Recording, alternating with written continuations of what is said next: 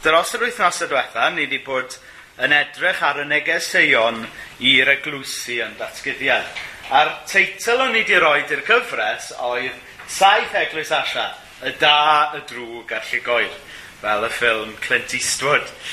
Um, a da ni wedi cyrraedd y llugoer hano gyda um, Eglwys Lawdocea.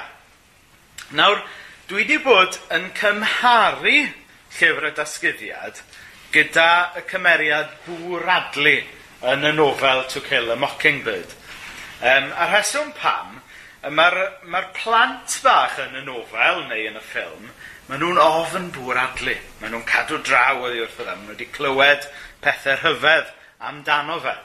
Ond wedyn ar ddiwedd y nofel, maen nhw'n cyfarfod bwradlu ac yn ffeindio mas bod e'n fwy o reit yn y diwedd. Chyfod ac, ac oedd ei ofn nhw yn ddiangen. A, a fi'n meddwl bod llyfr y datgyddiad fel yna tan bach. I ni wedi clywed rhyw bethau rhyfedd amdano fe. Mae e fyna yng nghefn y Beibl, a da ni'n ofn troi ato fe, chi'n gwybod, rhag ofn bydd rhywbeth rhyfedd yn digwydd. Ond gobeithio bod ni wedi gweld dros um, yr wythnosau diwetha, ond i ni droi at lyfr y datgyddiad, gyda chymorth dew a help yr ysbryd glân, bod ni'n gallu deall beth sydd yn mynd ymlaen fan hyn. Ac yn fwy na jyst bod ni'n deall, bod ni'n gallu cael yn calanogi hefyd gan gair Dyw o lyfr y datgyddiad.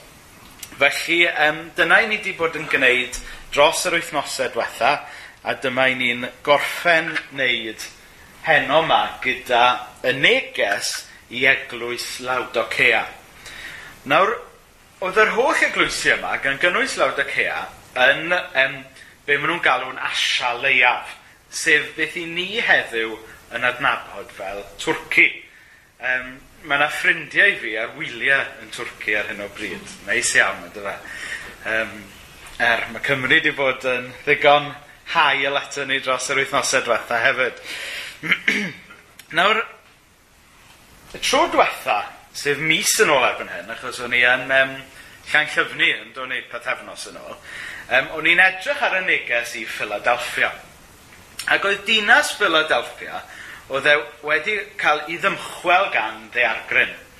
Um, a, a o'n i'n cofio ddeargryn 1984, ac o'n i yng nghroth mam, a mam yn y bath, so mae dad yn dweud bod fi'n shaken not stirred ers hynny. Ond ta beth am ni. Um, ac a oedd dinas Philadelphia gathen nhw help gan y rhyfeiniad i ail adeiladu i dinas. Nawr fe gath Cea hefyd i ddinistrio gan um, y deargryn, ond yn wahanol i bobl Philadelphia, nathen nhw wrthod help gan Rifain, achos mi oedden nhw'n meddwl bod nhw'n reit, oedden nhw'n dinas gyfoethog, oedden nhw'n ddinas gyfforddus, ac oedden nhw rhy falch i dderbyn help, o'n nhw'n meddwl bod nhw'n o reit fel o'n nhw, felly nathen nhw wrthod help.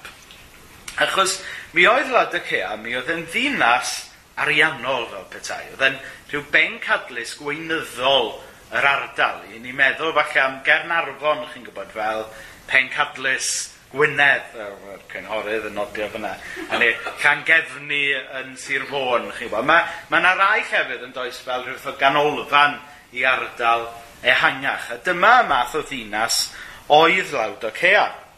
Mi oedd yn ddinas hefyd oedd a sefydliadau addysg a mi oedd doctoried Lawdocea yn enwog a mi oedd pobl yn tyru i Lawdocea er mwyn gweld y doctoried oedd yna.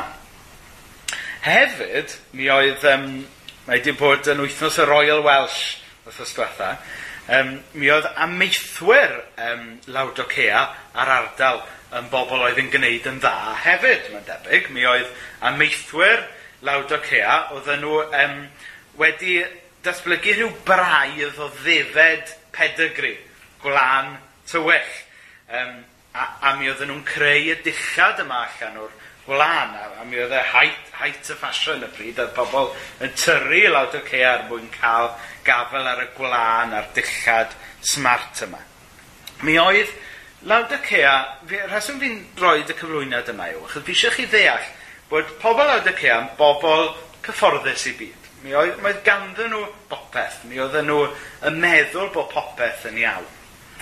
Ond mi oedd un problem, wel mi oedd dau broblem gyda nhw, ddewn ni at y broblem fwy mewn myned. Ond y broblem gyntaf oedd bod dim dŵr gyda Laodicea. Mi oedd doedd dim cyflenwad o ddŵr gan y ddinas. Nawr erbyn hyn, i ni, ni'n cymryd dŵr yn caniataol, yn dydyn ni'n troi yn tapio ymlaen am y dŵr yn dod, a ni ddim yn meddwl dim am y peth. Ond ar y pryd, yn, yn Lawdacea, ac wrth gwrs mae'n rhan o'r byd o hyd, oedd, oedd cael dŵr yn broblem. A doedd dim dŵr yn Lawdacea. Ac o'n nhw'n dibynnu ar gael i dŵr o ddau le. Um, ehm, oedd na ddŵr yn dod o, o ddinas o'r enw, gael hwn yn iawn, Hera... Hieropolis, sef rhyw ddinas lan ar y mynyddoedd lle oedd na ffynhonau o ddŵr twym, dŵr cynnes, chyfo, fel y springs yma. a wedyn mi oedd y dŵr yn dod lawr o'r mynydd trwy'r trwy, trwy aqueducts yma oedd y rhyfeiniad wedi adeiladu. Felly oedd y dŵr yn gynnes, gynnes, gynnes ar y top. Ond wrth gwrs, erbyn iddo fe gyrraedd 90 oedd wedi troi yn rhyw ddŵr clear, rhyw ddŵr lligoer fel petai. So dyna un lle oedden nhw'n cael dŵr. Y lle arall oedden nhw'n cael dŵr oedd o ddinas Colosia. Nawr oedd Colosia ffordd arall, mi oedd dŵr Colosia yn ddŵr oer oer oer, oedd wedi dod i lawr o'r ffynhonau yn y mynyddoedd. Oedd e'n ddŵr oer, oedd e'n ddŵr ffres, oedd e'n ddŵr glan. Ond wrth gwrs, erbyn iddo fe gyrraedd Lawdocea, yng ngwres yr hael, oedd y dŵr oer di troi unwaith eto, yn glear, oedd e di troi yn ddŵr llugoer. Felly, ar un llaw y gyda nhw ddŵr cynnes cynnes, oedd di troi yn llugoer, ar y llaw arall y gyda nhw ddŵr oer oer, oedd di dod yn llugoer. Oedd di holl ddŵr nhw yn llugoer. Um, ag Ac mae'n debyg ar y pryd, oedd y, te, oedd y gair lawdocead wedi troi yn air benthyg am rhywbeth oedd yn llugoer, rhywbeth oedd ddim yn un peth na'r llall, chi'n chi deall. Nawr, fi wedi rhoi yr wers hanes fach yma i ddangos sut mae gair dew yn defnyddio rhywbeth byddai pobl yn deall er mwyn esbonio rhywbeth iddyn nhw mae, mae, mae Dyw yn dweud fan hyn fod pobl Lawdicea e wedi mynd yn llugoer tuag ato fe. Bod i cariad nhw tuag at Iesu wedi mynd yn llugoer. Nawr i ni, deall beth mae hwnna'n meddwl. Ond dychmygwch pa mae'r hyd yn oed mwy perthnasol oedd e i bobl Lawdicea. E. O nhw yn gwybod yn iawn beth oedd rhywbeth llugoer. Y pobl yn siarad amdanyn nhw fel pobl llugoer. A mae, mae Dew fan hyn yn defnyddio y ddelwedd yma i ddangos nad ydyn ni'n gallu bod fan hyn fan draw gyda Iesu Grist. Dyw bod yn llygor gyda Iesu Grist ddim yn opsiwn. Nawr,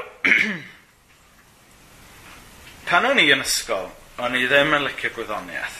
O'n i'n casau gwyddoniaeth. O'n i'n hopeless mewn gwersi gwyddoniaeth. Ond un peth fi yn cofio yw mae dŵr llugoer sy'n cario y mwyaf o facteria ac afiechydon. So yw dŵr yn oer oer oer syth allan o'r ffynon, mae, mae, mae e'n bir iawn. Ar y llaw arall, os yw dŵr wedi i ferwi, mae wedi lladd y bacteria. Ond mae rhyw ddŵr yn y canol, fyna mae dŵr yn beryglus ydy fe, fyna i chi'n gallu dal bacteria fel petai. Ac os ych chi'n yfed y dŵr yma yn Lawdocea, mi oeddech chi yn mynd yn sal, yn llythrenol, yn ei boeri fe allan.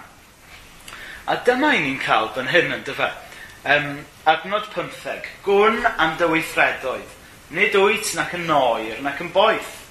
Gwyn fyd na fyddet yn oer neu yn boeth. Hynny yw, mae'n well bod yn oer, bod yn oer neu yn boeth na jyst bod yn y canol. Felly gan mae cle ar y dwyt, heb fod yn oer nac Heb, heb fod yn boeth nac yn oer, beth boeraf allan am genau. Nawr mae hwn yn ddelwedd difrifol yn tydi. Hynny yw bod Dyw ddim a diddordeb mewn pobl sy'n lligo'r tuag ato fe. Ddim a diddordeb mewn pobl sy'n ista ar y ffens, chi'n gwybod. Ac um, a mae'n dweud bod Dyw yn, yn poeri pobl lligo'r allan, yn yr un ffordd fel pobl lawd y cea, yn poeri y dŵr llugoer yma allan achos bod e'n ddŵr brwnt, chi'n gwybod. um, a mae'n debyg, mae hwn yn un o'r adnodau sydd wedi cael ei um, barchuso yn y Beibl Cymraeg. Achos yn yr cyfieithiadau cynharaf, mae'n debyg mae beth sy'n am fan hyn yw nid bod Dyw yn, yn poeri allan, ond yn chwydu allan, ynddo fe? Efe dyna sydd yn y William Morgan. Ie, yeah, na ni, ie. Chwa, yn chwydu allan. Mae'n ma ddifrifol yn dydy. Um, dyna sy'n digwydd fan hyn. Felly, pam oedd pobl Cea yn llugoer ac yn ystod o ffens? Wel, fi wedi sôn yn barod o bod pobl Cea yn bobl cyfforddus. O'n nhw'n bobl cyfoethog. Ac oherwydd hynna, mi oedden nhw'n bobl hunan foddhaol, chi'n gwybod. Felly, dyddiau yma byddwn ni'n galw nhw'n rhyw bobl cyfforddus, dosbarth canol, chi'n gwybod.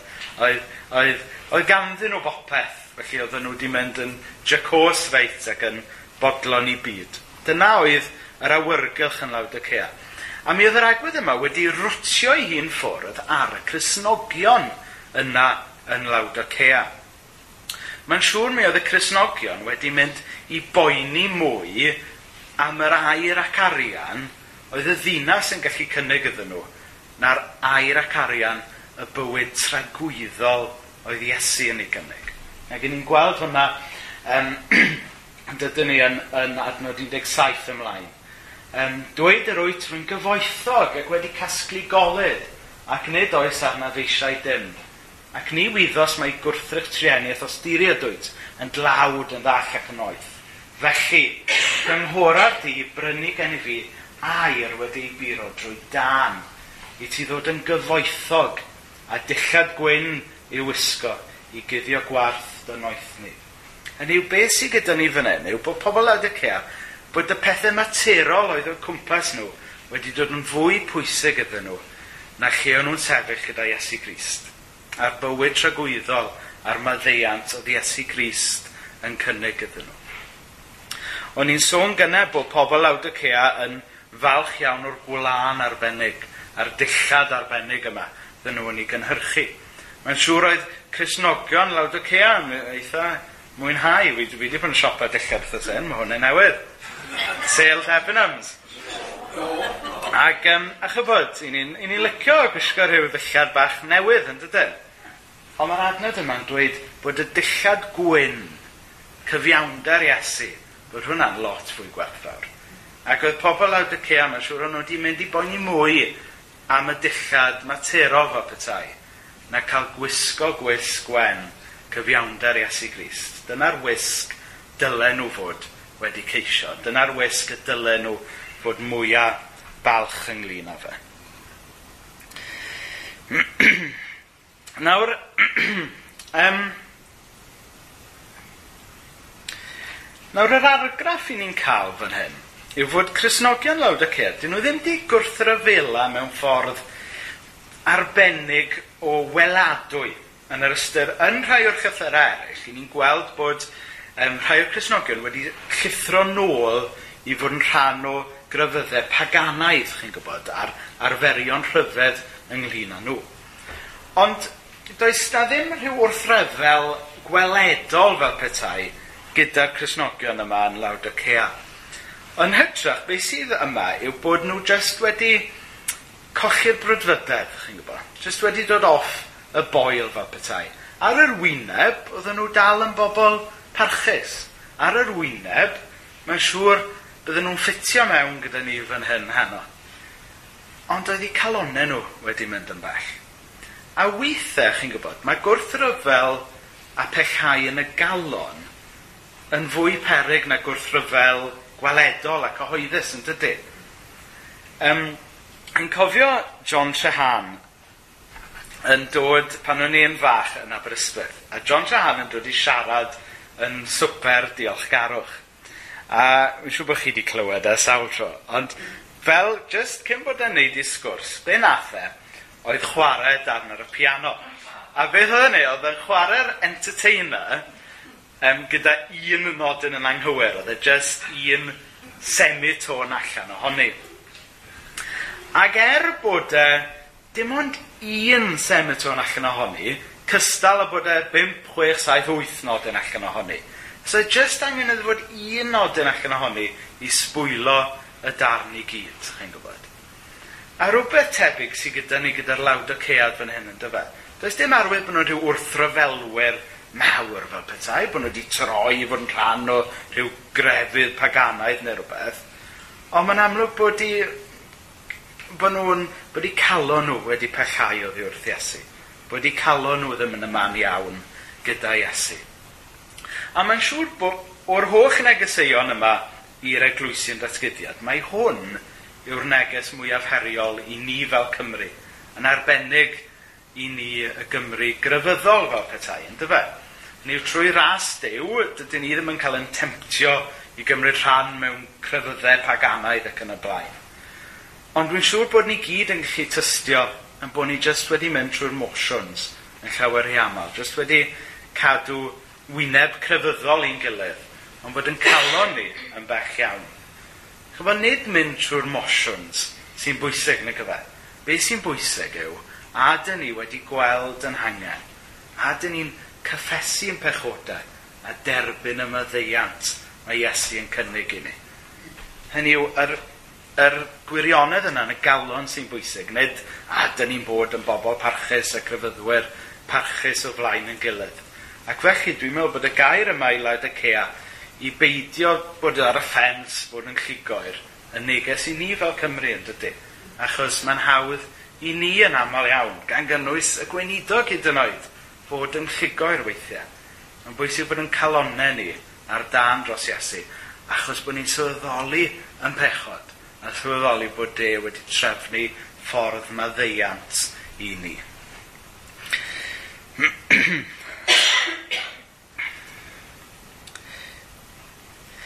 Nawr, mae adnod 19 yn ar un llaw yn rhyfedd, ond hefyd yn doniol. Nawr, fel chi wedi sylwi, fi ddim yn weinidog sy'n gweiddi arnoch chi, ond fe ddylen ni fod wedi gweiddi y bregaeth lan i'r pwynt yma. Achos yn yr adnodau agoriadol yma, hynny yw, mae ma Dyw yn deud y drefn wrth, wrth y Cresnogion yma'n lawd y ce. Mae'n dweud, chi di cyfaddawdu, chi'n chi meddwl bod chi'n oreit, chi'n meddwl bod chi'n gyfforddus. Fi'n trio gweiddi nawr, fi'n trio wneud y pwynt. Ond, ddim yn steili yna, ffordd. Ond, hynny yw, mae, mae Dyw yn deud y drefn wrthyn nhw. A wedyn, sydyn reit yn adnod 19, rwy fi'n cyrryddu ac yn disgyblu pwy y rhai a garaf Bydd selog felly ac edif ar hau. Hynny mae Dyw yn deud y drefn wrth y lawd y cea. Dowch off y ffens. Peidiwch bod yn llygoer. Dowch ata i. Mae e'n deud y drefn wrthyn nhw. Nid oherwydd bod yn ddiw cas, oherwydd bod yn ddiw cariad. Mae Dyw yn deud y drefn oherwydd i fod yn ei caru nhw. Er i anffyddlondeb nhw, mae Iesu dal yn ei caru nhw chybod, er i anffyddlondeb a'i ista'r ffens a'i, a'i llygoeredd nhw, mae Iesu dal yn dangos ffordd yn ôl iddyn nhw drwy edif ar hau, sef dweud sori yn dyfa. Nawr mae'r adnod 19 yn bwysig achos bod yn dangos i ni bod Dyw yn ffyddlon er gweithaf yn anffyddlondeb ni. A mae hefyd yn dangos bod gwir gariad weithiau yn golygu siarad yn blaen a siarad yn onest hyd yn oed os yw hwnna'n brifo. Nawr mae hwn yn wir mewn sawl lle, chybod, mae, mae ffrindiau agosau fi a'n rhieni, maen nhw wedi dweud y pethau mwyaf, hynny yw, cas posib i fi, ond maen nhw wedi wneud e allan o gariad, yn dydyn, chybod nhw eisiau fi weld rhywbeth. Nawr os yw hwnna'n wir amdano ni fel ffrindiau, pa mor wir yw e ynglyn â tragwyddoldeb? Hynny yw, allan o gariad mae rhaid ni atgoffa'n gilydd yn bod ni yn bechaduriad. Ac felly bod ni ar y ffordd i'r tywyllwch, bod ni ar y ffordd i ddistryw.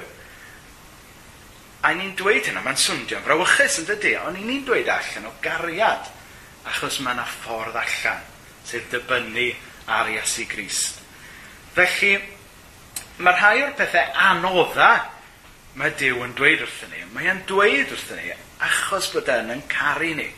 Mae e'n rhybuddio ni am yn pechod ni. Mae e'n rhybuddio ni am y ffordd i ddistrwyw achos bod e'n caru ni a bod eisiau ni ddod at Iesu Grist a cael bywyd tragwyddol gyda fe. Nawr, adnod ugen, a i ni am orffen mewn munud. Wele yr wyf yn sefyll wrth y drws ac yn curo. Os clyw rhywun fy llais ac agor y drws, do fi mewn ato, a bydd y ddau ohonom yn cyd fwyta gyda'n gilydd. Mae hwn yn ddelwedd hyfryd yn yr heto'n dydy. Mae'n sôn bod Iesu Grist yn curo ar yn drysau ni. Nawr, Mae hwn yn wahoddiad yn dydi, bob un ohono ni yn unigol. Mae Iesu Grist yn curo ar yn drws ni. A pan ni'n clywed Iesu Grist yn curo, mae'n bwysig bod ni'n gadle mewn. Hynny yw, pidwch dysgol Iesu Grist yn llythrenol i ddod i'ch drws chi heno, ond mae'n curo drws eich calon chi heno. Mae'n bwysig bod ni'n clywed y curo yna a gadl e mewn. Ond mae rhaid ni hefyd gofio, mae neges i hwn yw hwn i grisnogion sydd wedi pechau. Felly, falle bod Iesu'n curo y drws i gael dod nôl mewn. Falle bod ni, oherwydd bod ni wedi mynd â'n sylw ar beth eraill, wedi gwthio Iesu allan o'n bywyd ni, allan o'n calon ni. Dyna oedd problem pobl lawd o cea. O'n i wedi yn gyfforddus i byd. Ydy cyfoeth nhw, oedd ydy siacedu blan nhw wedi yn pwysicach na Iesu. Oedd nhw wedi gwthio Iesu i'r ymylon. Ond mae Iesu yn curo drws ac eisiau dod nôl i mewn i'w bywydau nhw. O'r falle heno yma bod Iesu'n curo ar ddrws ac ar galonau rhai ohono ni am y tro cyntaf heno. Gadewch Iesu mewn er mwyn derbyn y myddeiant o'r bywyd newydd. Ond falle, bod rhai ohonon ni heno bod Iesu'n curo'r drws achos bod eisiau dod nôl i mewn. Felly bod ni wedi esgeluso fe. Felly bod ni wedi gadlu bethau eraill ddod yn fwy pwysig yn ein bywyd ni. Mae'n bwysig bod ni'n gadlu Iesu nôl mewn. Mae'n bwysig bod ni'n gadlu Iesu ddod adre i'n calonau ni, achos fyna mae Iesu eisiau bod. Nawr, Fi'n gobeithio bod y neges yma a'r holl negeseuon dros yr wythnosau diwetha wedi dangos i ni bod llyfr y ddatgyddiad ddim yn lyfr sydd angen i ni ofni. Ond bod na stwff da yn llyfr y ddatgyddiad. Mae yn heriol yn dydy. Hynny yw mae'r neges heno yn heriol yn dydy. Chos i ni gyd yn gallu mynd yn lligo'r weithiau. Mae'n bwysig bod ni'n edif arhau a dod nôl. Ond be mae'r negeseuon yma dro ar ôl tro wedi dangos i ni bod Dyw yn ddiw sydd yn caru ni. Bod Dyw yn ddiw sydd wedi'n caru ni gymaint o bod e wedi trefnu ffordd i ni gael maddeiant. Ond mae angen i ni edifarhau. Mae angen i ni weld yn hangen a dweud sori.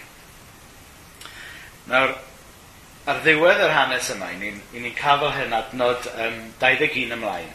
I'r sawl sy'n gorchfygu yr hof yr hawl i eistedd gyda mi ar fy ngorsedd, megis y gorchfygau synnau ac yr eisteddaeth gyda'n tad ar ei orsedd ef.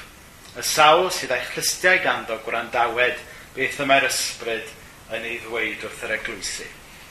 Nawr, pan o'n i, um, pan o'n i'n fach, o'n i'n mynd ar wyliau bob haf i Llanymawddwy, i ffarm Uncle John ac Auntie Mary. Mae'n rhaid ych chi'n chi, chi adnabod John a Mary. A fi'n cofio Uncle John yn gadael i fi iste gyda fe yn cab y tractor. A dwi'n fawr o amaethyddwr na, dim byd chybod. Ond o'n i'n joio ar y ffarm pob haf pan o'n i'n fach. A fi'n cofio'r fraint yna o gael iste fyna ar ben y tractor gyda Uncle John. Nawr, os oedd iste ar tractor yng nghanol cae o fod yn fraint, Dychmygwch gymaint fwy o fraint yw bod Iesu yn, bod ni'n cael istedd gyda fe ar i orsedd e. Nawr mae hwnna'n fraint yn dydy. A mae e'n arwydd gymaint mae Iesu yn eich caru chi. Er mwyn i enw. Amen.